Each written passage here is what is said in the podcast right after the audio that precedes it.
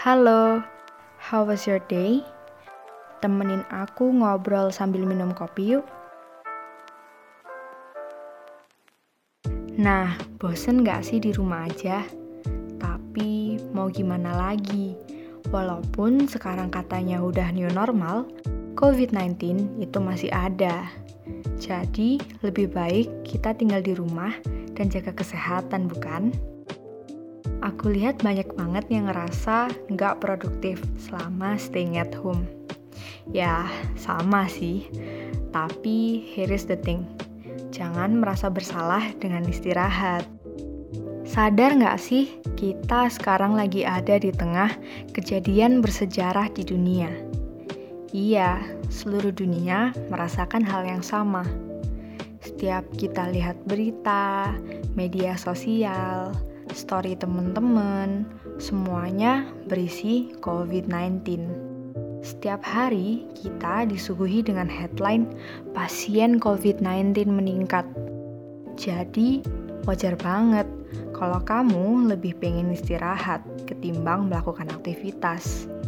Apalagi being stuck at home. Mau rebahan? Iya, nggak apa-apa karena sebenarnya istirahat kamu juga merupakan suatu hal yang produktif. Nah, tapi gimana sih caranya supaya istirahat kamu bisa jadi hal yang produktif? Bisa kok, asalkan kamu benar-benar rileks ketika melakukannya. Jadi, kalau kamu rebahan tapi malah overthinking soal, aduh, aku kok nggak produktif ya? Nah, itu rugi dong.